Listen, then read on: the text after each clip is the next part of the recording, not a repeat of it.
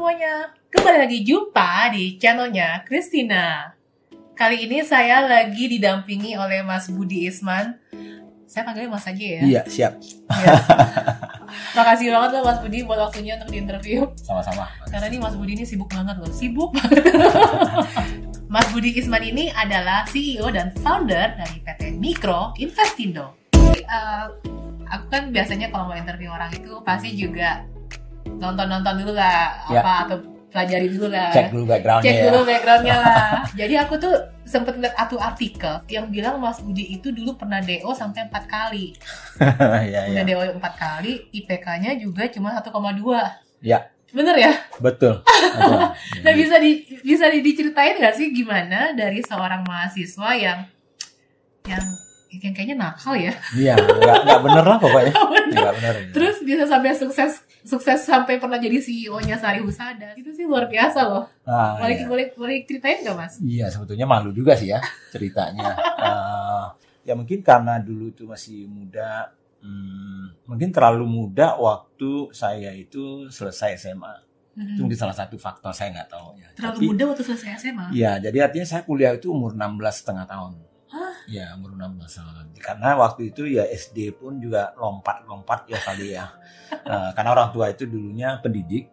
Pendidik Eh, guru. ya, guru, dosen. Oh, Ya, jadi dulu pernah kita waktu kecil pernah ke Amerika ikut beliau karena ngajar di sana. eh, karena eh, ngambil Oh, dokter. ngambil dokter. eh, Oke. PhD-nya, tapi juga sekaligus juga ada ngajar di situ. Nanti waktu kembali itu ya karena udah sering pindah-pindah di SD, SMP itu, jadi ada yang program di mana yang short, yang lebih pendek gitu. Iya. Nah, karena mengikuti sistem-sistem di Amerika waktu itu.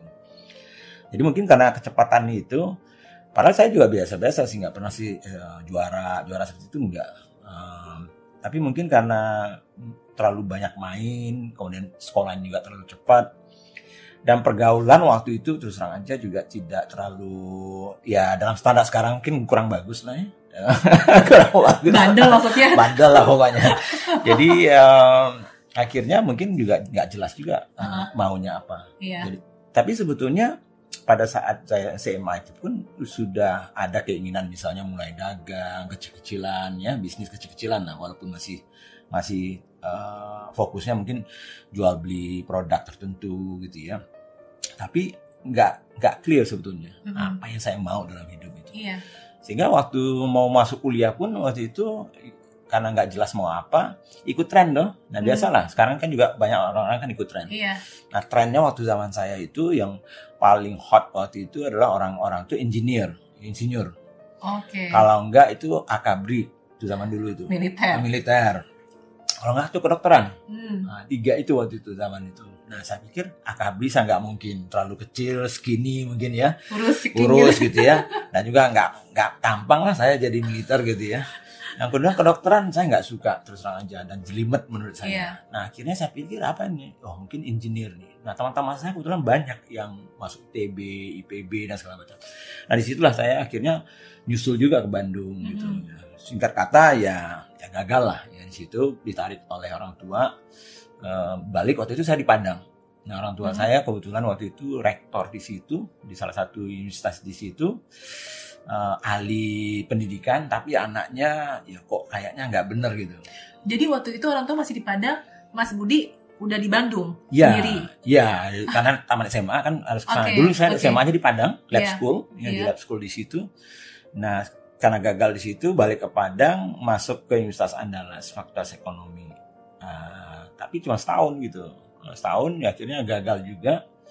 Ah, nggak naik tingkat, istilahnya, ya, dulu nggak ada sistem apa credit point ya, Oke. seperti yang sekarang ini. Jadi nggak naik tingkat, harus harus, harus ngulang. Tapi yang diulang tuh hanya satu mata kuliah. Akhirnya sore nganggur, saya coba masuk akademi bahasa asing.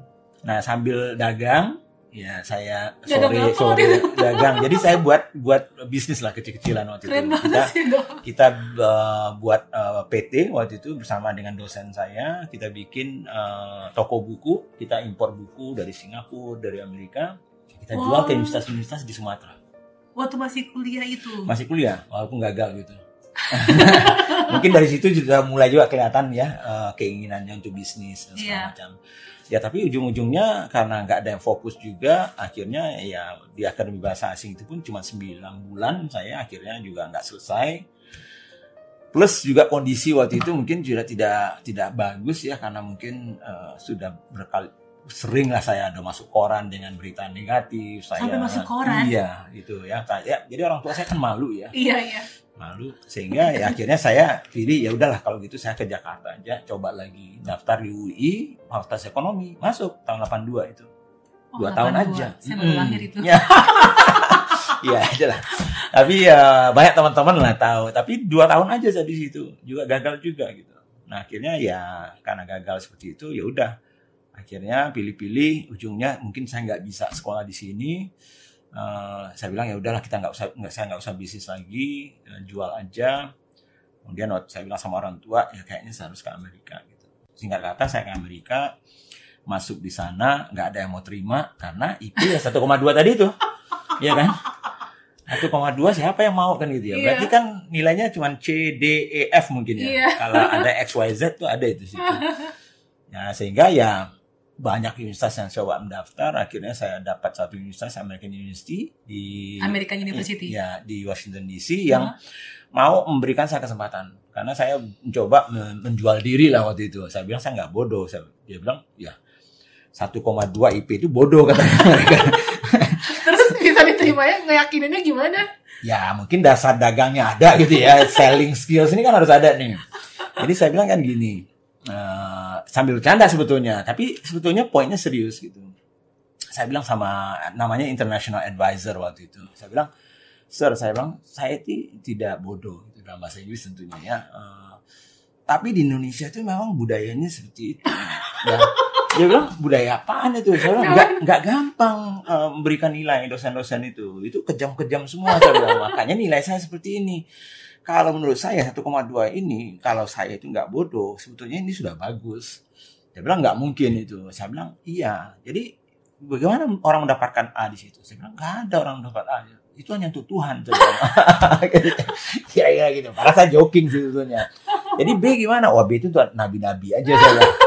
Nah, untuk mahasiswa baru tuh C, D, E, F kan. Makanya rata-rata 1,2 itu sebetulnya bagus untuk mahasiswa kan itu. Dia percaya itu atau kayak Ya, ya dia ya dia dia ketawa. Dia bilang, "Are you joking?" Yes, saya bilang, "But I'm trying to make a point." Jadi saya bilang saya ingin membuat point untuk Anda bahwa saya itu sebetulnya berikan kesempatan ke saya. Saya nggak bodoh. Targetkan saya. Jadi saya bilang, "Toh, ini kan universitas swasta." Saya bilang, "Ya, perlu duit toh." Perlu. Saya bilang kan ya. iya kan? Lalu, nah kalau perlu duit saya bilang, saya bayar nih kuliahnya. Tidak usah masukkan saya masuk aja probation, tidak usah masuk saya sebagai permanen. Iya. You terima uang tau saya bilang. Kasih saya kesempatan, lalu berikan saya nilai yang ditargetkan untuk diambil. Kalau saya nggak achieve nilai itu, keluarkan saya, you dapat duit saya. Ya kan gitu. Kalau bilang, pikir juga dia. Hmm, Iya juga juga, ya, dia. iya. Iya juga ya. Iya juga ya mungkin ya. Oh kalau gitu mau mau seperti itu mau? Oke kalau begitu nggak boleh di- saya kasih full dulu, saya kasih tiga mata kuliah aja.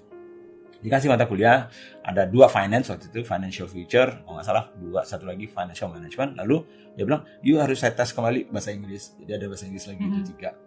Nah targetnya hanya B plus katanya. B plus. B plus B diharuskan plus, ya. oke. Berarti Itu nggak usah A katanya. Tapi Ya hampir A. Iya tapi itu kan kan saya dari 1,2 disuruh B plus kan pusing Iya, juga saya kan. gitu. ya di situ saya mulai saya pikir mungkin dari situ juga triggernya mungkin ya. Eh, saya saya pikir harus saya harus merubah hidup saya. Karena saya pikir ini sudah ter- keterlaluan sudah tujuh tahun saya kuliah nggak selesai selesai mungkin orang tua juga sudah kecewa. Mungkin teman-teman juga eh, pada istilahnya itu mungkin di belakang saya bilang ya itu mampus lu kan gitu ya. Berarti ini Eh, umur tiga nih ya, setelah tujuh tahun ya. ya sekitar Iya, ya hampir ya. iya, betul. 16 tahun Nah, betul, kuliah, kan? betul. Jadi setelah itu oke saya bilang "Hmm, saya dari sejak itu saya belajar. Ya alhamdulillah dapat nilai A tiga tiganya gitu. Jadi mereka juga kaget kan? Benar juga ya you katakan ya dia 1,2 itu kayaknya A ya rata-ratanya kalau di Indonesia ya. Saya bilang nah itu. Bayangkan saya bilang di Indonesia saya pakai bahasa Indonesia aja 1,2 di sini saya kuliah pakai bahasa Inggris dapat A saya bilang kan itu. Dia bilang oh ya udah kalau gitu eh, saya terima deh kan gitu ya nah pendek kata satu setengah tahun saya selesaikan S1 saya nyambung ke George Washington University ambil uh, program master saya di bidang OD Organization Development. Yang program 2 tahun saya jadikan satu tahun. Nah, jadi dulu di S1 nya saya ambil financial management ya Mhm. keuangan. Saya gabung dengan master's degree saya di dokter organisasi ini ya, uh, OD nah itu program 2 tahun saya jadikan setahun ini program 4 tahun jadi satu setengah tahun jadi secara total S1 plus S2 saya di Amerika dua setengah tahun tapi intinya kalau saya lihat tadi itu once saya di dunia tidak ada target, tidak jelas apa yang saya mau, begitu saya jelas targetnya apa, maunya apa, ternyata berubah. Bisa yang kita capai yang tadinya tujuh tahun nggak tercapai, ini malah dua setengah tahun S1 plus S2. Jadi kalau saya melihat begitu, oh ternyata iya berarti ini setting goals ini penting banget.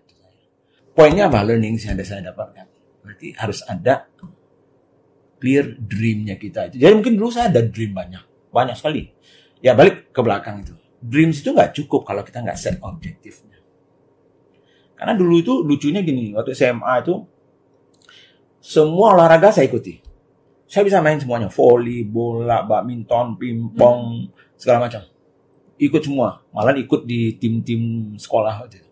Tapi nggak ada yang ahli.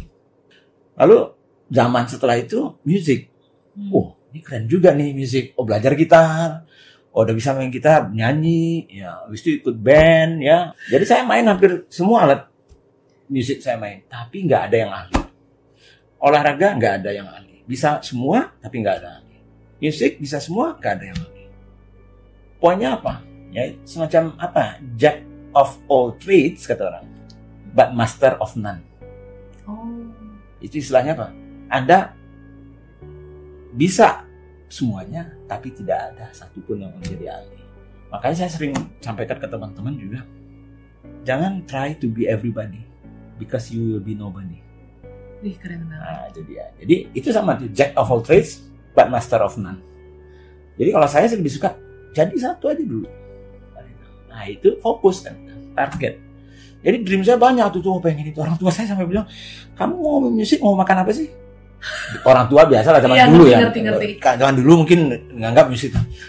Dia bilang, unless kata, you bisa seperti Michael Jackson seperti itu. Boleh. Oh, Nah, wah, oke. kalau sama, wah saya jadi Michael Jackson susah juga saya. Iya, iya. Kan gitu. Nah, jadi saya pikir iya ya mungkin saya nggak mungkin olahraga, mungkin bukan musik. Apa sih dream saya? Oh, dream saya apa sih? Sebetulnya dia pengen jadi guru. Jadi saya pikir berarti saya harus jadi orang dulu. Minimal saya tidak memikirkan lagi soal materi ini. Hmm.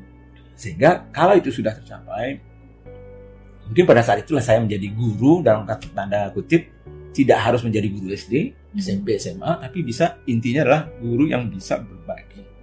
Sehingga orang bisa menjadi lebih baik, mungkin bertambah ilmunya dan ilmu itu dipakai sehingga dia bisa sukses, dia bisa berbagi lagi. Itu konsep guru yang saya. Biasanya saya bayang ya udah kalau gitu saya tinggalkan dulu dunia uh, bisnisnya, saya nggak berbisnis lagi. Saya setelah selesai di Amerika, saya langsung kerja di situ di mobil oil. Waktu itu saya pindah ke Texas sama istri. Nah setelah itu ya karena saya diminta pindah ke Nigeria waktu itu, Nigeria. ya jadi kondisinya tidak terlalu bagus ya waktu Ha-ha. itu. Saya pikir ya udah kalau ada di Indonesia tempat, saya bilang saya pengen balik ke Indonesia. Tahun 89 akhir saya balik ke Indonesia Uh, dan uh, uh, kerja di sini mobil oil. Setelah itulah saya baru pindah uh, sempat kerja di Shell, ya perusahaan minyak juga di Belanda. Kemudian cukup lama saya di Coca-Cola, ya cukup lama. Paling lama mungkin saya di Coca-Cola. Itu mulai merintisnya juga langsung jadi manajer atau Waktu saya di Coca-Cola iya, tapi waktu saya di Amerika enggak. Saya mulai dari ya biasalah kayak karyawan baru ya, level clerk gitu ya? level clerical? gitu ya, sampai ke ya namanya ya disuruh-suruh ya lihat orang training, ngatur apa peralatan training segala macam Oh, gitu ya. oke. Nah, tapi itu bagian dari Proses. pengembangan prosesnya oleh mereka. Jadi mereka punya sistem juga. Nah sehingga pada saat saya sampai di Shell, waktu di Coca-Cola itu saya sudah di level yang namanya direktur. Oh, Ya umur 32 waktu itu di situ. umur 32 Ya. udah jadi direktur di Coca-Cola. Ya, levelnya di situ ya, karena Keren. saya jadi head, jadi head head of uh, HR-nya waktu itu Oh. untuk uh, saya masuk dari kelompoknya Australia gitu masuk ke sini. Setelah itu terakhir saya menjadi direktur grup. dari Hmm. Coca-Cola Indonesia dan di sini ya, kemudian dapat tawaran waktu itu dari ya, investor dari eh, Belanda gitu ya yang invest di sini gitu di SGM. Nah, waktu itu mereka pengen melakukan perubahan, melakukan perombakan yang yang luar biasa ya karena mereka mungkin nggak cocok ya dengan manajemen yang lama sehingga setelah setahun negosiasi akhirnya saya pikir ya mungkin inilah kesempatan saya juga membuat perubahan yang cukup signifikan akhirnya maka saya pindah ke sana kita rombak semuanya dalam tempo dua tahun kurang eh tiga tahun kurang lah kita waktu itu belinya itu dengan nilai 4 triliun kita bisa tingkatkan nilainya menjadi 20 triliun waktu kita jual ke Gila. Hmm, dalam tempo kurang dari tiga tahun.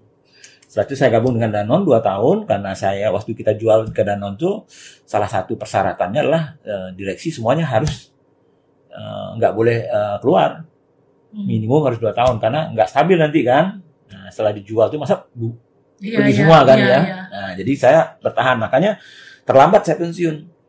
Harusnya pada saat umur 45 itu tahun 2007 itu saya sudah pensiun. Karena pas banget dengan target saya. Udah jual, selesai sudah, saya selesai serahkan ke Danone, udah saya pensiun. Berarti sudah hampir 10 tahun ya Iya. dengan sekarang. Nah, inilah target saya set target baru saya dari 2010 sampai 2020 ini apa yang saya lakukan? Inilah yang saya lakukan sekarang. Lebih banyak membantu teman-teman eh, entrepreneur ya untuk mencoba berkembang, UMKM yang masih kecil karena saya rasa ilmu yang saya dapatkan mungkin lebih dari 25 tahun ya menjadi profesional itu banyak sekali yang mungkin saya bisa tularkan ya bermanfaat untuk teman-teman yang mungkin pengen jadi besar kalau nggak pengen jadi besar ya nggak nggak ada gunanya ilmu saya gitu. Iya. Tapi teman-teman yang pengen jadi besar dan besar sekali, saya rasa manfaatnya banyak. Makanya lah saya buat dua. Satu Yayasan Pro Indonesia itu yang banyak melakukan um, apa workshop yang reguler namanya Smart Business Map itu di di seluruh kota ada di 50 kota kita di Indonesia itu bersubsidi mereka bayar tetap Mhm. tapi kita subsidi karena kan uh, coachnya harus datang fasilitatornya harus hotelnya Mhm. ilmunya gratis Hmm. kita nggak charge sama sekali soal Hmm. tapi ya kita minta mereka juga chip in Iya. untuk bayar mungkin hotelnya Iya. ya segala macam. Nah di situ saya melihat peluang. Peluangnya apa? Saya lihat di kota-kota itu ternyata banyak UKM-UKM itu yang luar biasa. Tapi nggak tahu dia luar biasa gitu. Kan kalau mengambil istilah dari Mas Budi, Ya. apa tuh? Banyak pengusaha yang sekarang zaman sekarang Iya. modalnya nekat, Ya, nggak ada ilmu. nggak ada ilmu. Ya. Nggak ada ilmu. Modalnya nekat, nggak ada ilmu. Saya paham. Jadi saya kadang-kadang banyak juga orang yang marah sama saya. Tapi Pak Udi, banyak juga orang yang ilmunya tapi nggak ada nekat, nggak jadi-jadi. Betul, Iya, betul. Dan itu saya juga kritik untuk teman-teman saya yang profesional. iya. Karena banyak juga teman-teman saya yang dulu bekerja seperti saya, tapi nggak pernah berani jadi pengusaha. Karena nggak nekat gitu. Karena kalau kita sudah bekerja di perusahaan, itu selalu terlalu banyak analisa. Iya, Iya kan? Iya, Kalau iya. istilah saya itu analisis paralisis. Paralisis gitu. Karena terlalu banyak ali- analisa. Jadi akhirnya terlalu banyak analisa. Dua tahun analisa. Lalu saya tanya ke teman saya, eh kamu kan rencananya mau bisnis? Iya. Saya sudah analisa. Udah berapa lama analisanya? Dua tahun. Oh, dua tahun analisanya aja enggak. Tapi nggak pernah pernah jadi itu perusahaannya. Tapi ketemu lagi yang lain. Nekat aja dia. Sikat aja. Kalau Mas Jaya bilang, kepepet kan? Iya, iya. Mas Yasya Budi. Ya. Pepet. Ya iya, penting. Kadang-kadang harus memepetkan diri kalau kaum profesional. Kalau kaum yang non profesional mungkin karena pengangguran, tidak ada lagi choice. Iya. Tapi jarang yang saya lihat yang betul-betul misalnya pengen tapi mempersiapkan diri. Saya tidak mengatakan mempersiapkan diri itu harus eh, apa ya? Seperti buat perusahaan besar, visibility study tiga bulan enggak. Nekat itu penting karena itu yang akan membuat kita bergerak. Tapi bergerak aja tanpa juga planning minimal adalah minimum planningnya. Sehingga ya nggak terlalu mengarah ke mana-mana. Jadi minimum risk, risiko tetap ada. Nekatnya itu risiko. Tapi kita minimumkan risiko itu dengan adalah sedikit planning. Dari mana planning itu? Ya dari ilmu yang kita dapatkan. Belajar banyak kok teman-teman yang ngajar, ya kan itu ya. Selain dari dari dari Iya. yang yang kami lakukan. Kalau yang dari uh, Mas Budi sendiri kan juga bikin sampai apa tuh namanya ada uh, smart business Map. map. Betul, betul. Nah itu mungkin boleh tuh kita Iya. jelasin karena banyak banget nih ya orang yang kalau sejak saya nge YouTube tuh di komen saya mau mulai bisnis tapi bingung mulai dari mana Betul. bisnis yang cocok tuh yang kayak apa Ya, betul. nah itu pertama dan terus yang kedua bisnis sudah jalan nih Hmm. gimana cara akselerasinya atau cara ngembanginnya gimana Betul, betul. iya Ya, jadi memang makanya eh, waktu awal saya saya pensiun itu eh, saya coba mencoba membina satu dua pengusaha dulu. Jadi Iya. belum masif seperti sekarang ini, karena masih trial and error kan waktu Iya. itu. Jadi saya pikir ilmu yang saya dapatkan itu saya coba buatkan semacam sistematika berpikirnya. iya Kenapa begitu saya buat? Karena supaya bisa diduplikasi. Karena kalau kita mau rame, mau banyak, berarti harus diduplikasi toh. Nah, kalau harus diduplikasi berarti harus ada modeling istilahnya. Harus dibuatkan modelnya supaya gampang dipelajari. Itulah smart business map itu muncul. Jadi ada tiga modul, namanya namanya satu adalah playing field, yang kedua itu adalah market landscape, kemudian ketiga itu operational profitability. Nah, kalau orang mau mulai bisnis itu biasanya yang paling bermasalah itu playing field. Misalnya memilih, saya mau bisnis apa sih? Itu kan playing field. Anda mau bermain di mana? Itu kan playing field namanya. Bermain itu apa? Anda mau bisnis apa? Anda mau bisnis di kosmetik kah, perumahan kah, jasa kah, pendidikan kah? Itu kan pilihan. Tapi kan nggak asal milih toh. Iya Iya kan? Iya. Kalau Pak Kristin misalnya, saya kasih duit satu miliar, mau nggak buka bisnis wartel? enggak Kenapa? semua orang kayak udah pada pakai handphone paket data segala macam Ya, itu Lebih- industri dan kategori yang sudah mati. iya Kan gitu. Nah, yang belum mati mungkin warnet. Mau nggak saya kasih satu miliar di bisnis warnet? udah mau udah sunset juga sih Nah, itu. Jadi artinya apa? udah mau Jadi milih, ya? milih bisnis apa aja iya harus pakai otak juga toh. iya Nggak asal nekat aja toh. ini enak banget sih Nah, mas kan Budi itu- jelasinnya gampang dicerna It- itu contoh yang yang very clear. Itu satu Iya. soal kategori, soal Mm-mm. industri. Belum lagi kita kadang-kadang ada orang yang itu yang saya bilang tadi itu. Dia melihat bisnis itu harus lebar. Saya mau, mau jualan kosmetik. Kosmetik itu kan salah satu kategori, tapi bisa juga kita lebih dalam. Kosmetik itu kalau dibagi lagi, ada nggak sub kosmetik? banyak Banyak kan? banyak Contohnya apa, Pak? Ini kan kalau kosmetik tuh ada skincare ada dekoratif oke. kalau berat- dekoratif tuh kayak blush on lipstick itu udah banyak eyeshadow Betul. Jadi artinya apa? iya Kita memilih bermain di kosmetik iya atau di skincare. iya Beda. benar Kosmetik itu lebih general dong. iya Problem yang ada di kosmetik banyak. Cuman pemainnya pasti lebih banyak lagi. Tapi kalau kita lebih dalam, jadi kita pilih satu aja dari kosmetik skincare. Berarti dia mengecil. Tapi otak yang entrepreneur pikir, kalau saya terlalu dalam nih memilih bisnisnya, pasarnya menjadi lebih kecil dong. Hmm. Salah. Siapa bilang? Kan itu. Kalau pasar kita hanya di kota itu aja mungkin mengecil. Tapi kalau kita kecil, tapi global, pilih Benar. satu khusus, tapi seluruh dunia kita jual. Sama aja dengan kita lebar, tapi hanya di kecamatan Bintaro misalnya kita jual. Sama dong. iya Jadi karena pola pikir kita itu pengen besar, jadi makanya langsung otomatis dia pilih yang generik, yang besar. Jadi misal kesehatan, atau saya bermain di restoran, kafe, kafe apa? Kan itu. Oh kopi, kopi apa? Kan itu. Atau misalnya minuman, minuman apa? Padahal itu kan bisa dibagi. Nah itu playing field. Jadi dari situ aja sebetulnya itu sudah mulai menentukan arahnya kita ini sudah akan bisa sukses atau tidak. Belum lagi kita lihat peta persaingan kita. Belum kita lihat lagi target soal target market. Celakanya banyak sekali orang bilang kalau saya jualan produk air, target market saya semua orang pak. Uh hebat sekali itu. Saya bilang, iya saya memang benar. Orang punya perlu air, jangankan orang saya bilang. Kucing perlu, bebek perlu, ya. Eh, apalagi pla- planet ini yang namanya masih bernafas dia perlu air dong. iya Jadi kalau gitu targetnya sak planet ini bilang nggak mungkin. Aqua pasti beda punya target market. Lim Mineral punya target market beda. Clio mungkin berbeda lagi.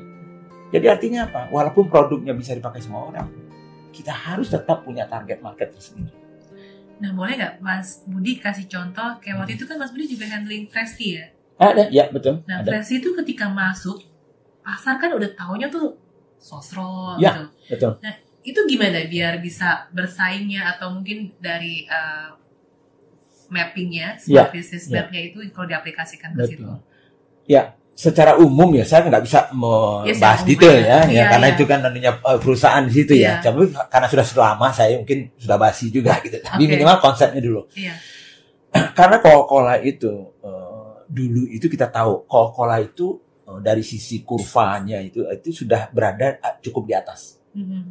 Karena eh, yang namanya minuman berkarbonasi ya, yang Mhm. soda itu kan eh, lama-lama karena perubahan eh, gaya hidup orang segala macam, maka uh, demand atau demand untuk produk yang seperti itu tidak lagi sebesar dulunya Iya. kecepatan. Jadi Coca-Cola paham.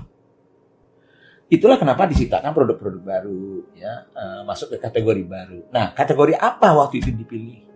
Nah, waktu zaman dulu, zaman saya dulu di situ, satu air yang paling besar. Tapi air waktu itu aqua itu terlalu terlalu kuat waktu itu zaman dulu. Jadi rasanya berat lah kalau mau masuk situ duluan kan ya. Nah, yang kedua adalah teh yang paling banyak, ya kan? Nah, teh paling kuat waktu itu sosro. Jadi walaupun secara tidak langsung dia berbeda kategori dengan dengan Coca-Cola, Fanta dan Sprite, tapi secara tidak langsung dia adalah eh, musuh dari dari dari Coca-Cola, Sprite, Fanta karena Iya. dia akan mengambil porsi minuman. Minuman ringan. Itu namanya share of stomach dong. Iya. Kalau orang sudah full di sini, nggak bisa masuk lagi dong. Iya benar. Betul kan? Iya. Nah, kalau kita lihat begitu, maka kita pilih apa sih yang kalau gitu ya udah kita masuk ke kategori T. Ada dua opsi waktu itu. Kita gabung dengan Sosro misalnya. Mhm. Kan itu salah satu opsi ya. Kalau saya sih, Iya. kalau iya. saya misalnya jadi anunya lah investornya Coca-Cola misalnya, ya udah kalau gitu gimana kalau join aja dengan Sosro. Mhm. Itu mudah dong. Mhm. Tinggal ikut caplok di situ bersama-sama kita membangun. Kalau itu tidak ada, apa yang dilakukan? Kita harus masuk ke kategori T. Nah, akhirnya pilihannya adalah masuk kategori T. Bagaimana membedakan kan itu ya? Jadi bedanya ya apa? Mungkin pertama dari sisi produknya dulu harus ada perbedaan. Makanya dari sisi wanginya harus berbeda, dari sisi kemanisan harus berbeda, ya. kemasan harus berbeda, ya. lambang semua. Jadi harus ada diferensiasinya itu. Nah, kalau dulunya itu sosro itu zaman dulu itu dianggap sudah lebih tua dari sisi target marketnya, maka Festi itu dianggap yang lebih muda. Makanya namanya saja sudah namanya Festi, dianggap lebih fresh kan gitu Iya. ya. iya.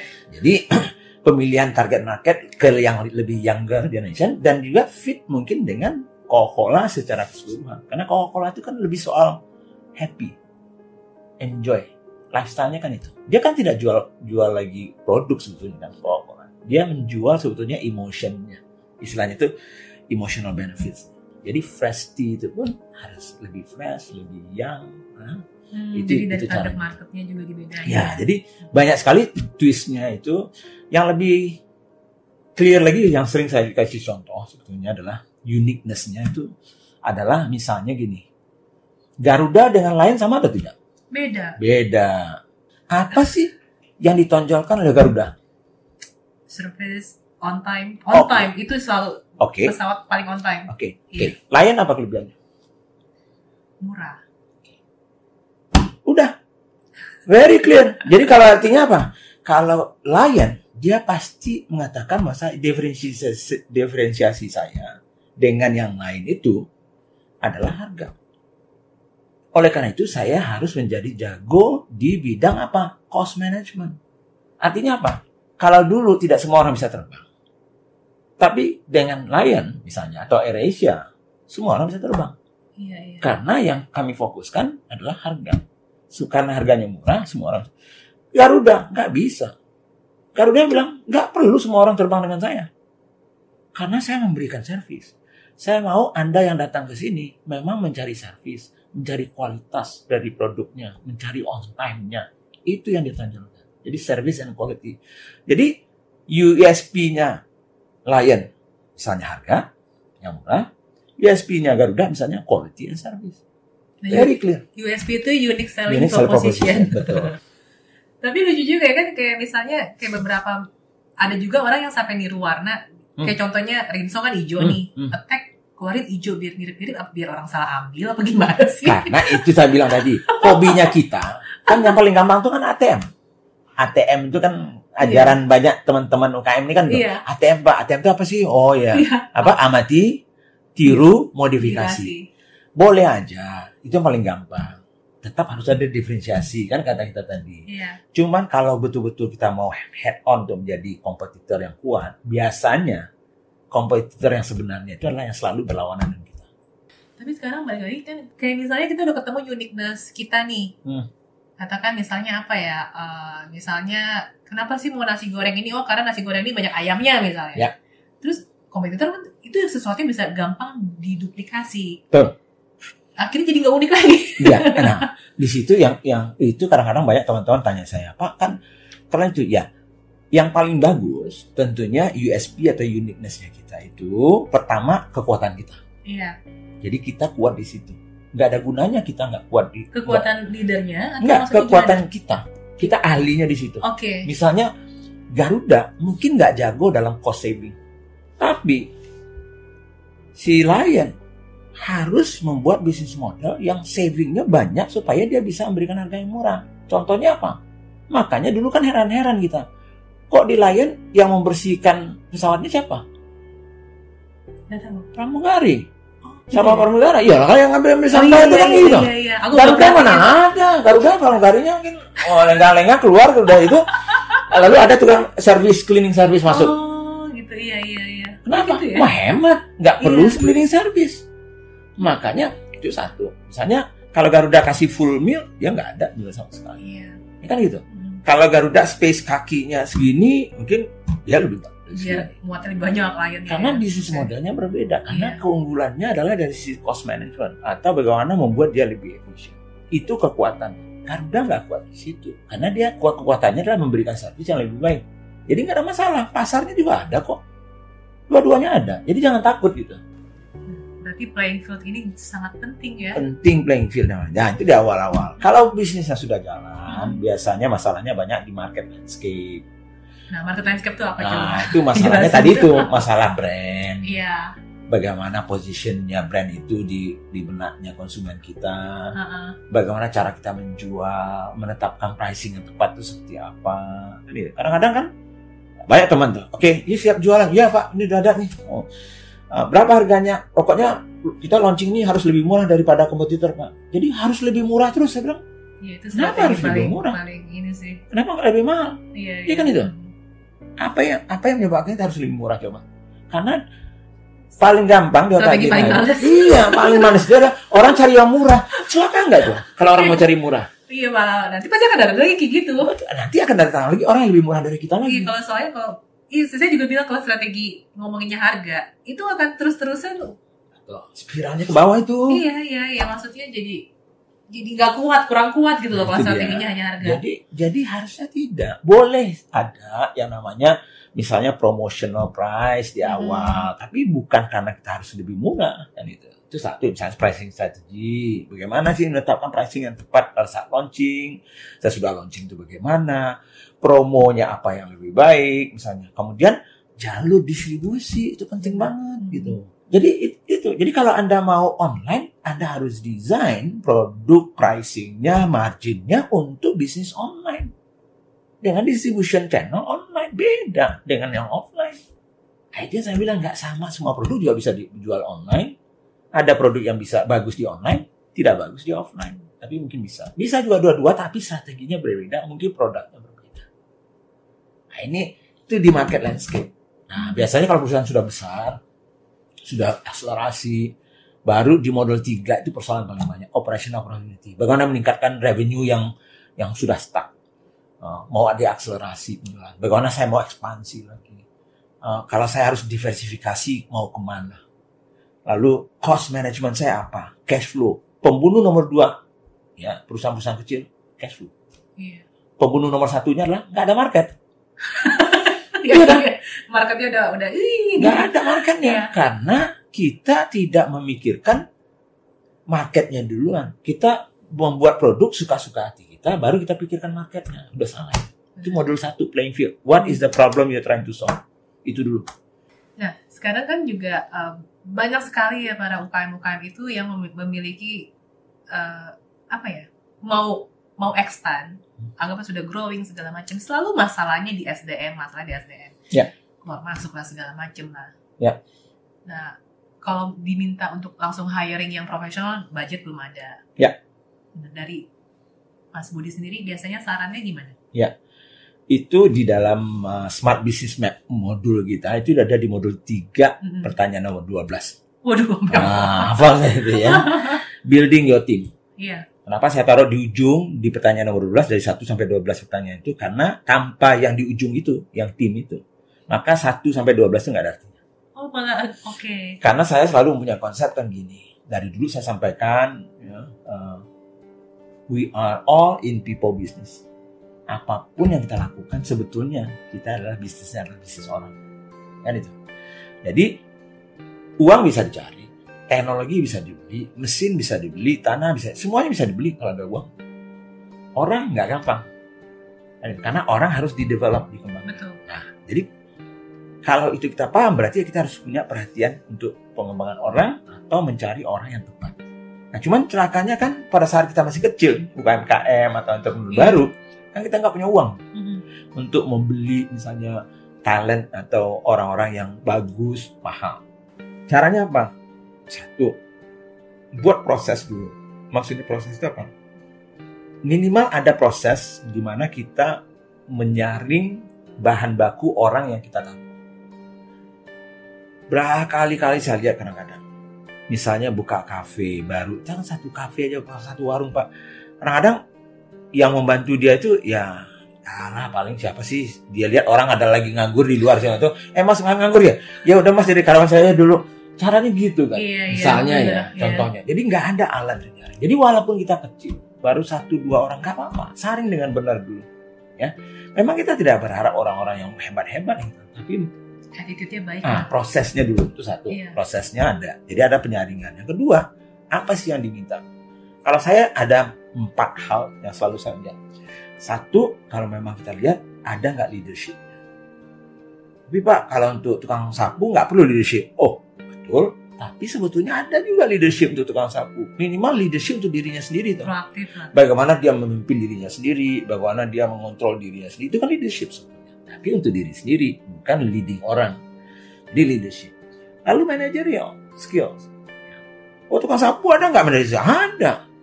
Time management, monitoring apa yang dia kerjakan selama ini, dia lihat nggak dia evaluasi nggak selama ini yang dia sapu itu bersih atau tidak.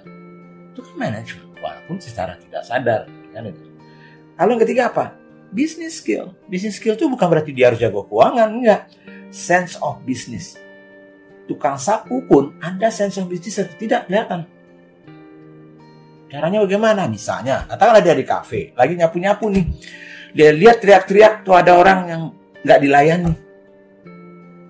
Kalau dia nggak peduli, nggak ada sense of business, ah saya kan cuma tukang sapu, biarin aja. Tapi tukang sapu yang punya sense of business, dia pasti datangin ke pelayan itu ya temannya yang pelayan yang yang kasir itu udah dari tadi tuh nunjuk mau order belum dilayani. Itu sense of business. Keren. Ya jadi walaupun tukang sapu pun iya. punya sense of business. Sekretaris ada sense of business? Ada dong. Tiap hari kalau dia biarin aja AC hidup nggak iya efisien toh.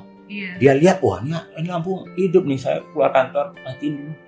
Karena menghemat. Sense of business. Jadi itu ada so leadership managerial sense of business yang terakhir karakter dan attitude itu yang paling besar yang perlu dilihat di awal-awal.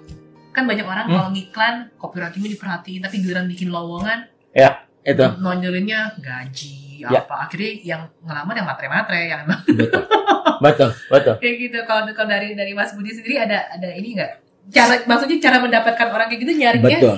dari makanya saya terus aja ini ini ini rule rule of thumb-nya ya Iya. istilahnya tuh uh, secara umum hukumnya bagaimana? Kalau saya sih saya akan cari orang yang tidak melamar oh gitu Iya. iya Kalau orang melamar berarti dia butuh kerjaan toh. iya Yang saya cari adalah orang yang tidak butuh pekerjaan. ini nyari di mana Cari dia. Makanya dulu, zaman dulu sampai sekarang pun ada yang namanya headhunter. oke headhunter Saya tidak mengatakan kita harus pakai headhunter tuh UKM Iya, sih. iya, Tapi iya. kenapa ada headhunter? Karena pada prinsipnya perusahaan-perusahaan besar dia tahu Kalau mau cari orang yang bagus, enggak jangan di iklan. Cari orang yang nggak perlu melamar, tapi kita tahu sejarahnya apa. Tanya orangnya, siapa tuh? Ada nggak temannya dia? Tanya Hmm. dia, referensinya siapa? Nah dari situ langsung kontak dia.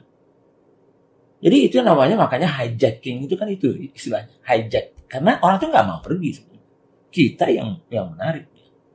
Kalau di UKM bisa jadi mungkin dari karyawan yang kita ngeliat udah baik, Hmm, iya. ya temen gak yang kayak gini kayak gini gitu Nah, ya. gitu referensi Iya, itu paling referensi. enak Iya, awalnya. ah. Yang paling bagus lagi adalah ambil orang lulusan-lulusan sekolah yang baru, didik dari awal. Jadi masih fresh graduate. Iya, nggak apa-apa. Apakah Benar. itu dari SMK misalnya ya? Kalau Mhm. misalnya kita punya kafe misalnya ya, misalnya SMK pariwisata misalnya, Hmm. udah ambil dulu didik dia sesuai dengan keinginan. Kasih training dia, kita yang train dia. Dibandingkan kita ngambil orang yang misalnya sudah jadi. Kecuali kalau kita butuh-butuh betul yang sudah jadi. Itu referensi bisa ya, tanya ke orang bisa segala macam. Jadi SDM itu bagi saya kunci. Nah terus juga eh, Mas Budi, jadi kan eh, kadang tuh orang jadi suka abu-abu dalam artian misalnya harus mencoba lagi, mencoba lagi kalau gagal gitu ya. Hmm. Nah, tapi kan garis abu-abunya adalah misalnya ketika dia memulai suatu bisnis, Hmm. dia tahu dari mana kalau bisnis ini tuh sebenarnya dia udah mesti ganti bisnis, bisnis lu tuh udah mati gitu loh. Iya, iya. Cuma kan ada orang yang ngotot enggak, gue mesti mencoba lagi, harus konsisten, fokus, fokus biar ini maju gitu. Iya, iya. Maksudnya tuh melihat bisnis itu sehat atau sebenarnya emang udah sunset atau udah tenggelam itu gimana? Itulah the beauty of smart business map yang saya buat. ya bukan promosiin sih, tapi Iya, iya. Manfaat dari smart business map itu dengan dua tiga modul 12 pertanyaan itu. Iya. Satu, kalau kita mau mulai bisnis, bisa kita lihat flow-nya. Apa yang harus kita perhatikan Mhm. kalau kita mau bisnis. Kalau kita sudah punya bisnis, kita bisa cek masih sehat atau tidak melalui 12 pertanyaan. Jadi itu semacam kartu sehatnya Hmm. sebuah bisnis. Misalnya, pertanyaan nomor satu, what is the problem you're trying to solve? Jadi kalau Mbak Christine datang ke saya, Mas, aku mau liatin dong bisnis saya ini. Saya bertanya dulu, kategorinya apa? Mhm. Field-nya, misalnya, oke. Oh, kosmetik, oke. Lipstick kata. Saya tanya, lipstick ini mau solve problem apa sih? Hmm.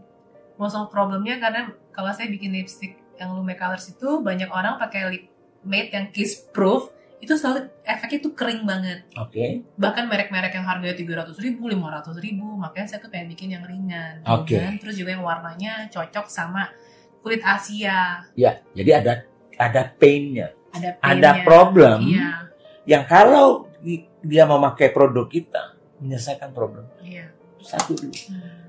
Tapi kalau generik aja, kita tanya, oke air minum kan sama tuh, Iya. kan itu. Eh, problemnya haus pak. Iya sih, semua air minum bisa meng- menghilangkan haus. Jadi apa bedanya kan itu? benar. Cari lebih spesifik lagi. Nah itu ya. Iya. Jadi misalnya, kenapa Pocari Sweat ada? Tuh dia menceritakan bahwa bu- tubuh ini butuh loh penggantian ion itu pada saat anda berkeringat, olahraga segala macam. Kan gitu. Benar.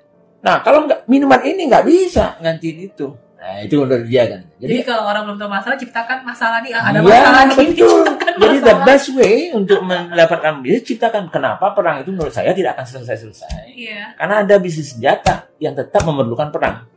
Makanya dibikinlah galau. Kalau enggak dia yang akan menciptakan perang itu menurut Iya, saya. Iya, iya juga ya. itu contohnya kan. itu. Iya. Jadi artinya setiap tanya, pertanyaan nomor dua adalah who has a problem? Target market Anda sudah clear atau tidak? Kadang-kadang karena kita nggak clear target market kita, kita nembaknya ke mana-mana tuh. Peluru kita satu, kita nembak ke mana-mana, habis hasilnya nggak ada. Tapi kalau kita very clear dengan dengan target market kita, bagaimana kita mengsegmentasi pasar kita, kita nggak perlu ke mana-mana. Itulah hebatnya sekarang dibandingkan zaman saya dulu. Zaman dulu nggak ada sosial media, nggak ada Facebook, nggak ada Instagram yang bisa kalau anda beriklan bisa langsung cari profil dari target market anda. Nggak ada. Iya. Paling kita mau iklan ke TV, siapa sih target market TV ini? Oh, kalau TV itu ini, kalau RCTI itu, itu. Habis itu lihat, oh, kalau eh, program ini target marketnya ini. Paling itu. Tapi ujung-ujungnya nggak bisa kontrol toh. Siapa pun yang di depan TV itu, ya itu akhirnya melihat iklan kita. Tapi dengan adanya seperti Facebook, Instagram yang bisa Anda kontrol dengan biaya yang sangat sedikit luar biasa. Sekarang ini paling tepat lah jadi entrepreneur zaman sekarang. Jadi Anda nggak bisa, nggak takut lagi bersaing dengan perusahaan-perusahaan raksasa itu. Perusahaan raksasa itu harus takut dengan kita yang kecil-kecil. Menurut saya, this is the time kalau mau. Gitu. Oh ya, aku juga mau nanya ini, Mas Budi. Sekarang kan kesannya tuh kalau orang mau dinilai keren mesti jadi pengusaha gitu kan. Oke. Boleh nggak kasih kasih tips buat yang mereka yang masih bekerja Iya. gitu? Biar nggak ujuk-ujuk resign terus Betul. tahu modal nekat. Betul. ya banyak yang gitu. Saya juga banyak teman yang begitu. Jadi eh, sebetulnya kan gini ya. Saya saya mengalami sendiri. Saya Hmm. sebagai dulu pengusaha, Hmm. habis itu jadi profesional, sekarang menjadi pengusaha sosial lah lebih banyak Iya, ya lebih iya. banyak sosial. Tapi intinya kan gini. Kalau saya sih dalam hidup ini, kalau ini menurut pribadi saya sih, eh, apa pun pilihan profesi kita, itu semuanya baik menurut saya. Tergantung kita target kita apa sih dengan profesi kita. Ujungnya apa? Makanya bagi saya itu pekerjaan apakah itu jadi pengusaha, jadi karyawan, jadi jadi dokter, jadi tentara, itu hanyalah alat toh, Mhm. jalan menuju sesuatu. Iya. Sesuatunya itu yang harus tahu dulu. Saya sesuatunya saya itu adalah berbagi tadi Bermanfaat lah. Ya. Iya. kan itu berbagi karena cita-cita saya sebetulnya adalah ya tadi itu guru tapi dalam bentuk yang berbeda tapi jalannya tidak harus jadi guru tuh bisa jadi pengusaha dulu bisa jadi profesional bisa itu sekarang sebetulnya secara prinsip saya banyak melakukan apa yang dilakukan oleh seorang guru kan itu contohnya jadi banyak kita terjebak kita memilih jalan tanpa kita tahu tujuan. Itu yang membuat kita confused. Kan itu. Makanya galau nih profesional nih. Ih, kayaknya asik ya jadi entrepreneur gitu ya. Seperti saya dulu pengen jadi olahragawan semuanya olahraga saya pelajari tapi nggak ada yang ahli satu. Mhm. pengen jadi pemusik tapi nggak ada ahli satu pun sehingga nggak jadi. Nah tipsnya apa? Pertama apa pun yang kita lakukan sekarang harus dilakukan sebaik mungkin. Itu dulu. Karena bagi saya itu kan kredibilitas Jadi anda mau pindah kuadran mau jadi profesional menjadi pengusaha pun kredibilitas Anda di mana dulunya tetap bermanfaat untuk kuadran yang baru. Kalau dulu Anda jelek waktu jadi profesional, ya kan itu, nggak nggak nggak dipercaya orang. Begitu Anda cari partner jadi berbisnis, mungkin orang akan tanya tempat lama Anda bekerja tuh, itu siapa sih orangnya, gimana orangnya? Wah nggak bagus dulu begini.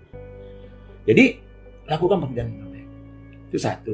Lalu yang kedua, kalau memang iya kita mau pindah korban, eh, kuadran itu, persiapkan kalau saya selalu menyiapkan diri ya sebelum saya eh, saya mungkin agak sedikit beda ya mungkin dengan banyak orang karena saya Lulus aja. iya jadi itu Lulus udah lulus Iya. kuliah. karena saya mempunyai target-target itu dari tahun 85 saya sudah buat gitu. tapi saya akan review 10 tahun 10 tahun 10 tahun Jadi sekarang targetnya per 10 tahun Ya, jadi ini 2020 makanya saya, saya bilang tadi ya, Iya. saya pengen ada target baru saya nih. Tahun makanya Januari ini saya akan membuat sesuatu mudah-mudahan baru bermanfaat. Mungkin saya launching bulan Maret misalnya ya. Eh, sehingga itu ada target baru saya untuk 10 tahun kalau saya tentunya masih ada ya. Alhamdulillah. Iya. Nah, tapi itu dulu. Jadi siapkan, ya siapkan. Nah, kalau siap, da- kalau kita mau jadi dari profesional mau jadi entrepreneur, pahami bahwa saya dunia itu berbeda. Berarti kita harus yang pertama sekali yang kita harus siapkan adalah mental. Jadi bukan soal uang, Betul. mental. Mental kerja dari 40 jam jadi 80 jam Betul. seminggu. Bayangkan dulunya saya banyak loh dapat kaum profesional Iya. yang pada saat dia berbisnis akhirnya nggak berhasil karena mentalnya ada dua macam nih. Ada teman-teman saya, saya nggak usah cerita siapa, dia pernah jadi misalnya pembesar lah, apakah itu jadi CEO atau apalah pokoknya ya. Iya. Intinya itu, habis itu pensiun nih. Pensiun, dia pikir wah enak pensiun itu jadi pengusaha tuh. Nah, apalagi yang punya mental-mental misalnya yang post power syndrome-nya kuat. Mhm. Wah dulu saya kan CEO, Disegani. dilayani, Iya. ada sekretaris keuangan besar Iya. ya, dan segala macam nih. Iya. Jadi akhirnya katakanlah dia punya uang. Lalu dia buatlah bisnis. Apa yang pertama sekali banyak saya lihat teman-teman. Dia pergilah sewa kantor dulu yang besar di gedung yang mahal di Sudirman misalnya ya. Kemudian dia buatlah furniture-nya luar biasa seperti dia dulu. Nah, ini post syndrome. Itu aja sudah mungkin separuh dari kapital atau oh, dana yang harusnya dia bangun untuk bisnis sudah habis dari situ untuk menjaga image dia. Mobil harus tetap Mercedes, mungkin sekretaris harus ada, satpam harus ada. Um, Cik Christine lihat kantor saya, kecil aja, nggak sampai 100 meter. Saya nggak ada post syndrome. Kalau teman-teman saya dulu yang teman-teman CEO datang sini, ih kecil kantor lu buat, ya emang emang gue perlu banyak. Orang saya juga jarang di sini kok. Lebih sering. Orang ambil aja di sini berdua tiga. Buat apa? Iya. Sama sekarang juga di mana-mana kantor kantor saya cuma backpack saya kok. Ada komputer saya di situ. Udah. Tapi banyak orang nggak siap mental seperti itu. Pada Hmm. saat kita menjadi entrepreneur, kita harus jualan. Kita harus memberikan servis. Dulu waktu jadi profesional kita mungkin rasa dilayani. Kita yang di service. Kita di servis. jadi mentally different. Nah itu kadang-kadang yang saya lihat kalau itu nggak siap. Kalau ilmu mereka punya semua. Mental, mindset, kemudian tadi itu ya post power syndrome itu harus dihilangkan. Gengsi harus hilang. Ah nggak ada gengsi. Kan Mas uh, Mas Budi kan juga ada kayak pelatihan SBM uh, Ya. yang Smart Business Map. Nah, terus ada lagi pelatihan CEO juga ya. Ya. Yang pelatihan CEO itu memang sebenarnya basic-basicnya apa sih yang mesti diketahui oleh seorang CEO gitu loh. Iya. Jadi sebetulnya kan gini. Waktu ya ini. CEO, CEO atau pemilik bisnis lah ya. Ya. Iya. Jadi waktu smart business map itu kan fondasinya. Iya. Jadi fondasi. Kenapa saya buat seperti itu supaya teman-teman ini kalau dia sudah mulai naik kelas, baru dia boleh ikut workshop saya berikutnya. Saya nggak jualan workshop soalnya, Iya. kan gitu. Jadi kita pilih. Jadi smart business map itu untuk umum. Mhm. Kalau setelah itu ada triple value, itu hanya undangan. Jadi lebih banyak ke strategi pendalaman dari SBM, Oke. tapi lebih banyak menjurus ke strategi Ha-ha. ya planning kemudian bagaimana kita meningkatkan nilai perusahaan kita bisa menjadi dua tiga kali lipat makanya Oke. namanya triple value Oke. karena pada prinsipnya kan gini kalau saya investasi di Ci Christine misalnya Iya. saya investasi ini satu m nih Mhm. konsep saya adalah harus naik tiga kali lipat nilai investasi saya dalam lima tahun Hmm. itu dia jadi kalau saya invest satu m misalnya maka rata-rata ya, bisa jadi kalau kurang berhasil ya mungkin tujuh tahun ya. Tapi rata-rata lah dalam lima tahun saya berharap yang satu m tadi menjadi tiga m. Makanya namanya triple value Oke. dan itu biasanya dipakai oleh private equity fund yang besar-besar. Jadi kalau anda butuh dana di satu triliun dua triliun misalnya mau mau IPO misalnya Saya ya. gitu. misalnya kan itu. Biasanya pemikiran mereka seperti itu. Kalau venture capital biasanya lebih tinggi lagi permintaannya karena risikonya lebih tinggi makanya setelah basic ini ada makanya teman-teman yang menyiapkan diri untuk misalnya berpartner mau joint venture atau mau suatu saat mau IPO pengen tahu nilai perusahaannya bagaimana lalu apa sih yang harus diutak-atik di perusahaan itu supaya nilai saya bisa dua tiga kali lipat seperti yang kami lakukan misalnya di Sadu Sada dulu itu yang kita pelajari di situ. Tapi itu hanya berdasarkan undangan yang sudah pantas pergi ke situ baru kami undang. Hmm. Jadi tidak semua. Jadi makanya tidak pernah ada di publik. Hmm. Nah, kan itu. Nah, kalau itu sudah biasanya sebagai owner, founder atau CEO harus punya skill mengelola bisnisnya seperti seorang CEO yang benar gitu. Kalau sudah mulai besar gitu. Nah, CEO benar itu menurut Mas Budi kayak gimana? Tadi itu, makanya di dalam program itu kita ada lakukan assessment, pakai namanya Harrison Assessment. Harrison. Harrison Assessment. Ya. Sehingga kadang-kadang teman-teman tuh lucu juga tuh orang workshop tuh. Takut-takut dia lihat dia punya ini saya bisa jadi CEO atau tidak. Banyak juga ya yang kata Anda tidak cocok jadi CEO. Ada juga tuh. ya. Banyak A- juga. Analisanya bisa sampai tulisan Ada. kayak gitu. Ada. Anda tidak cocok. Iya, ada. Karena apa? Karena di dalam assessment itu berdasarkan kriteria yang kita sudah tetapkan, Mhm. seorang CEO itu seperti apa sih? Nah, itulah profil yang kita cari. Nah, kita tes tuh teman-teman itu dengan profilnya itu. Jadi banyak juga yang yang walaupun dia ikut program saya, satunya nggak cocok. Bener loh. Jadi saya kan pusing. Jadi kalau gitu gimana Pak Udi? Lah, ya Akhirnya CEO yang lain. cari Iya CEO. bina, bina CEO, Bina CEO. CEO kan itu. Anda tetap aja bukan berarti Anda tidak boleh mengelola perusahaan, tapi mungkin Anda ada tipikalnya lebih ke kreatifnya, sukanya kan begitu. Iya. Ada ada orang tipikalnya pengennya pokoknya saya menciptakan aja deh. Kan ada yang begitu. Ada yang bisa membuat tapi tidak bisa memaintain.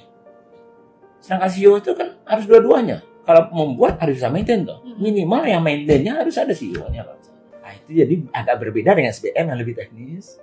Triple value teknis dan strategi, CEO itu betul-betul lebih ke non teknis. Kalau yang kelas bukan kelas kayak apa sih kayak pelatihan Hmm. lima hari itu yang CEO itu. Ah itu uh, business camp. Oh yang yang business Nah, camp itu yang terakhir itu biasanya. tadi sempat Mbak Amelia sekretarisnya Mas. Budi aku sempat tanya-tanya soalnya Iya. Itu bener-bener menyeluruh banget loh hari pertama diajarin apa kalau nggak salah tadi. Ya, hari kedua diajarin finance betul. Karena target dari dari business camp itu adalah membuat rencana untuk tahun depan. iya Jadi objektifnya itu. Jadi boleh, boleh dijelasin sih hari pertama diajarin jadi misalnya hari pertama itu biasanya kita mereview kembali SBM SBM dalam singkatnya. Jadi Oke. kita review SBM-nya dia, tapi kita kita ajarkan kembali sedikit, Mhm. lalu kita review bisnisnya dari sisi SBM. Mhm. Apa yang harus diperbaiki. Kemudian kita lihat strategi apa sih yang akan dia bawa, apa sih persoalannya misalnya ya. Lalu ke mana dia mau pergi tahun tahun depannya Iya, gimana? iya. Apakah dia harus merubah strategi dari sisi produk baru? Apakah dia perlu launching atau tidak? Apakah dia perlu ekspansi ke daerah baru atau tidak misalnya untuk menambah revenue-nya. Kemudian setelah itu bagaimana dia membuat budgetnya yang Iya, tepat. hari kedua nih. Ah, ah, dari sisi financial budgetnya apa sih? Kenapa misalnya eh, jangan terlalu banyak eh, misalnya eh, expenditure namanya ada capex, capital expenditure. Jadi investasi yang berbau mesin dan segala macam di mana cash flow kita berat, Mhm. misalnya itu sebaiknya dikurangi misalnya. maksudnya kayak bikin kantor gede-gede gitu. Iya, jadi misalnya kemudian ya tadi itu eh, bagaimana mengelola cash flow kita supaya dengan sales seperti ini dengan cash flow. Karena nah, gini, banyak teman-teman yang buat bisnis plan gini. Wah, agresif penjualannya. Lalu dengan bangga saya akan masuk ke Indo eh, eh, Indomaret. Banyak teman-teman saya yang saya lihat masuk Indomaret dua tahun setelah itu bangkrut. mungkin bisa jadi Cash flow. cash flow iya cash flow karena pembayaran Wah. ya belum lagi kalau barang nggak laku Betul. iya benar Jadi jangan bangga dulu. Mhm. Orang banyak orang bangga, oh pak, wah produk saya ini udah masuk loh pak di Indomaret di seluruh Indonesia loh. Lalu Indomaret minta produksi sekian banyak, mampu atau tidak? iya, mesti ada dana talangan Ah, dana.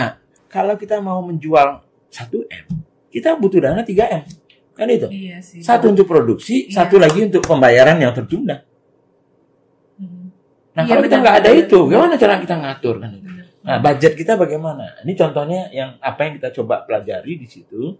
Nah, yang terakhir, kita cerita soal people. Orang, bagaimana mengatur orang.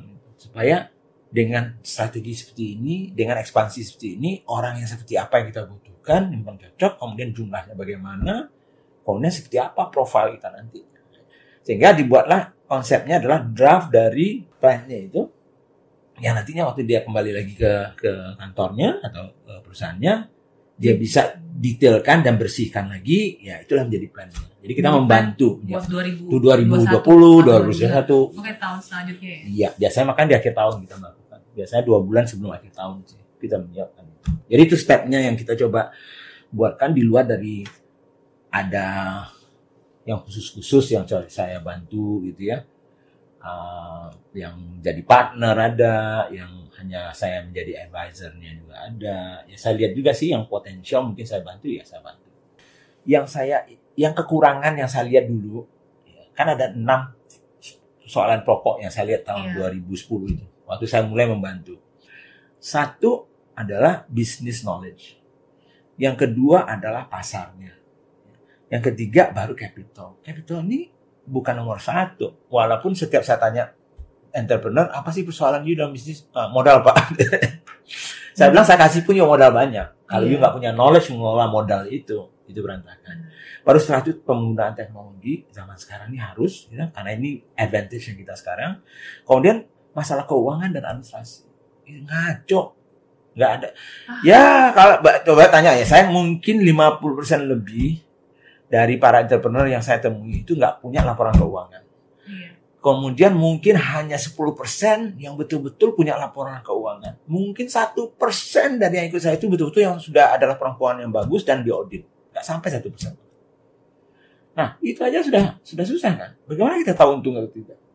Kita nggak punya laporan keuangan. Nah, oleh karena itu saya bilang tadi itu, yang kami lakukan itu lebih banyak fokusnya membangun fondasi, bagaimana membangun bisnis yang bisa sustainable jangka panjang, bukan jangka pendek. Tadi juga Mbak Amelia, sekretarisnya Mas Budi itu juga sempat bilang eh, Mas Budi sendiri juga punya produk sendiri ya. Ada, ada, ada Produk, produk. ada lagi yang apa blue cream Blue Kelinci, itu Blue proyek Kelinci. sosial saya. karena saya melihat di kampung halaman saya di daerah Kerinci, Gunung Kerinci di Jambi. Sumatera, Jambi ya. Itu dulu masalah hutan taman nasionalnya itu banyak dirambah Mhm. oleh oleh petani, oleh masyarakat sekitar karena ya ujung-ujungnya adalah kesejahteraan toh. Kesejahteraan perut lah. Perut toh. Kalau orang perutnya lapar, bunuh orangnya mau kok. Jangankan masuk hutan, nebang hutan. Nah, lama-lama taman nasional itu bisa hilang. Ya saya pikir apa sih kontribusinya saya? Lalu lihat-lihat sebetulnya, oh ternyata ada kopi yang nggak pernah dikenal orang di luar. Sebetulnya enak banget. Nah, di situ saya pikir, gimana kalau saya kembangkan itu, coba memperkenalkan dengan benar, meningkatkan kesejahteraan petani, ya, sehingga mereka tidak perlu lagi misalnya datang eh, menembang hutan, ya merusak eh, taman nasional. Nah, itulah kita mulai proyek 4 tahun yang lalu. Kami buatkan Korinci Movement namanya dengan Korinci Heritage. Belum ada Blue Korincinya dulu, Hmm. karena kita urusannya hulu dulu nih. Petaninya Oke, dulu, beresin ya. Cara dia memetik dulu tuh, lalu eh, tengkulak-tengkulak itu kita hilangkan. Di kampung saya ini contohnya, Arabica dan Robusta itu dianggap sama. Padahal harga Arabica itu bisa 2-3 kali lipat dibandingkan Robusta. Oke. Jadi petani itu dibodoh-bodohin. gitu. Hmm. Nah, jadi kita, kita ajarkanlah dia ilmu kembali ilmu. Diajarkan bedanya robusta itu apa, arabica itu apa. Ini harganya harus lebih mahal, jangan dijual lebih murah. Tapi supaya supaya dia lebih mahal, proses pemetikannya harus seperti ini, memprosesnya harus seperti ini, standar internasional saya buat. Sekarang petani-petani di situ tuh sudah ekspor nah, ke mana-mana. Saya bangga dengan petani-petani itu. Saya hanya bagian sedikit saja mungkin dan membantu mereka. Nah sekarang tugas saya apa? Memperkenalkannya ke konsumen. Dari sisi pemain kopi di dunia sekarang ini sudah kenal kopi kerinci. Kalau uh, Ci Kristen misalnya pergi ke kopi-kopi specialty, house ya Hmm. roastery, biasanya pasti sudah ada kerinci. Sekarang pun di Starbucks Reserve namanya, itu yang Starbucks yang yang premium Iya, ya iya, yang premium. itu sudah ada versi kerinci. Dia beli dari petani uh, partner kami. Nah, sekarang saya mau membangun brand Blue Korinci supaya apa? Supaya orang lebih mengenal lagi produk itu supaya orang membeli itu bukan hanya kopi. Kami tidak menjual kopi aja sebenarnya. Saya- Berarti kami pengen, betul. nih. Value yang kami jual. Story Value, behind story behind-nya. Karena yang itulah kenapa kami bekerja sama dengan Emurgo dari Jepang sekarang ini memakai teknologi blockchain dengan memakai teknologi itu dengan software itu sekarang saya bisa memantau me, me- tahu asal usul kopi yang diminum nantinya di kafenya saya Oh. pakai scan code aja tuh scan code Heeh. Oh saya tahu nih perjalanannya dari sampai saya minum ini itu 50 hari mulai dari dia di harvest di dipanen Iya. sampai dicuci, dikeringkan, di di mill, di hulling, sampai dia dikirim ke sini, lalu di roasting, itu 50 hari. Perjalanannya ada petanya. Petaninya siapa namanya? Varietasnya apa banget. Kemudian ketinggian tempat ditanamnya Iya. itu berapa. Fotonya ada semuanya. Tinggal di scan.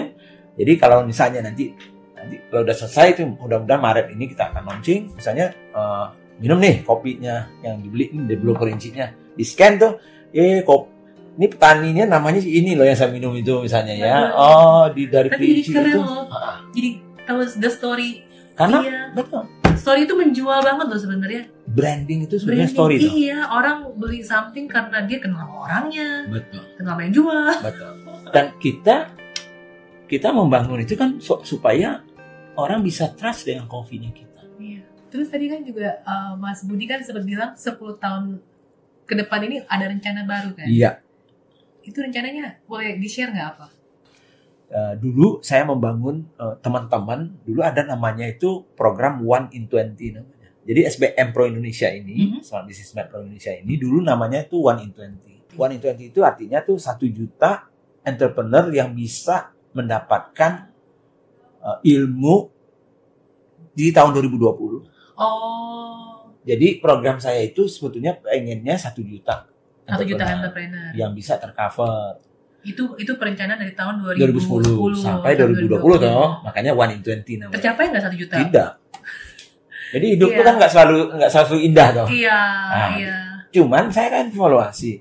Dulu bayangan saya tidak semuanya offline. Iya. Bayangkan saya workshop itu saya udah hitung-hitung. Kalau harus ada workshop berapa banyak coach yang harus saya bina. Ya sekarang ini cukup banyak gitu ya. Gak akan terkejar kalau semuanya offline. Nah salah satunya cara adalah bagaimana saya mencari jalan bisa me-sharing ilmu ini ya melalui sebuah mungkin program ya yang baru tapi menjangkau jutaan orang di seluruh dunia bukan hanya di Indonesia gitu ya sehingga mudah-mudahan dalam 10 tahun berikutnya itu satu juta itu tercapai. Itu salah satu. Lalu yang kedua minimum ada satu di antara teman-teman yang saya bantu ini minimum ya saya harapkan lebih dari itu ya. Sudah bisa IPO ya, entah itu kapan entah, entah tahun ini entah tahun depan entah tiga tahun lagi. Intinya itu jadi yang nilainya menurut saya Triliunan. harusnya itu triliunan gitu. Nah, jadi itu kira-kira gitu. Dan itu sudah ada si calon-calonnya sudah sudah ada. Cuman ya saya nggak mau cerita dulu lah Iya, karena iya, masih itu Iya. sudah ada banyak kok sebetulnya. Teman-teman tuh hebat hebat. Saya hanya supporting function aja kok. Saya hanya dorong-dorong belakang ya pembantu-pembantu umum teman-teman lah. Itu aja yang saya lakukan. Saya senang eh, saya rasa eh, untuk membantu Indonesia secara umum kita tidak perlu toh harus jadi anggota DPR Iya, atau menjadi bupati, gubernur, menteri, presiden kan nggak perlu toh. Cara kita membantu ya lakukan apa yang kita bisa lakukan, yang kita bagus kita eh, kuat di situ dan secara tidak langsung itu akan membantu Indonesia. Itu aja sih.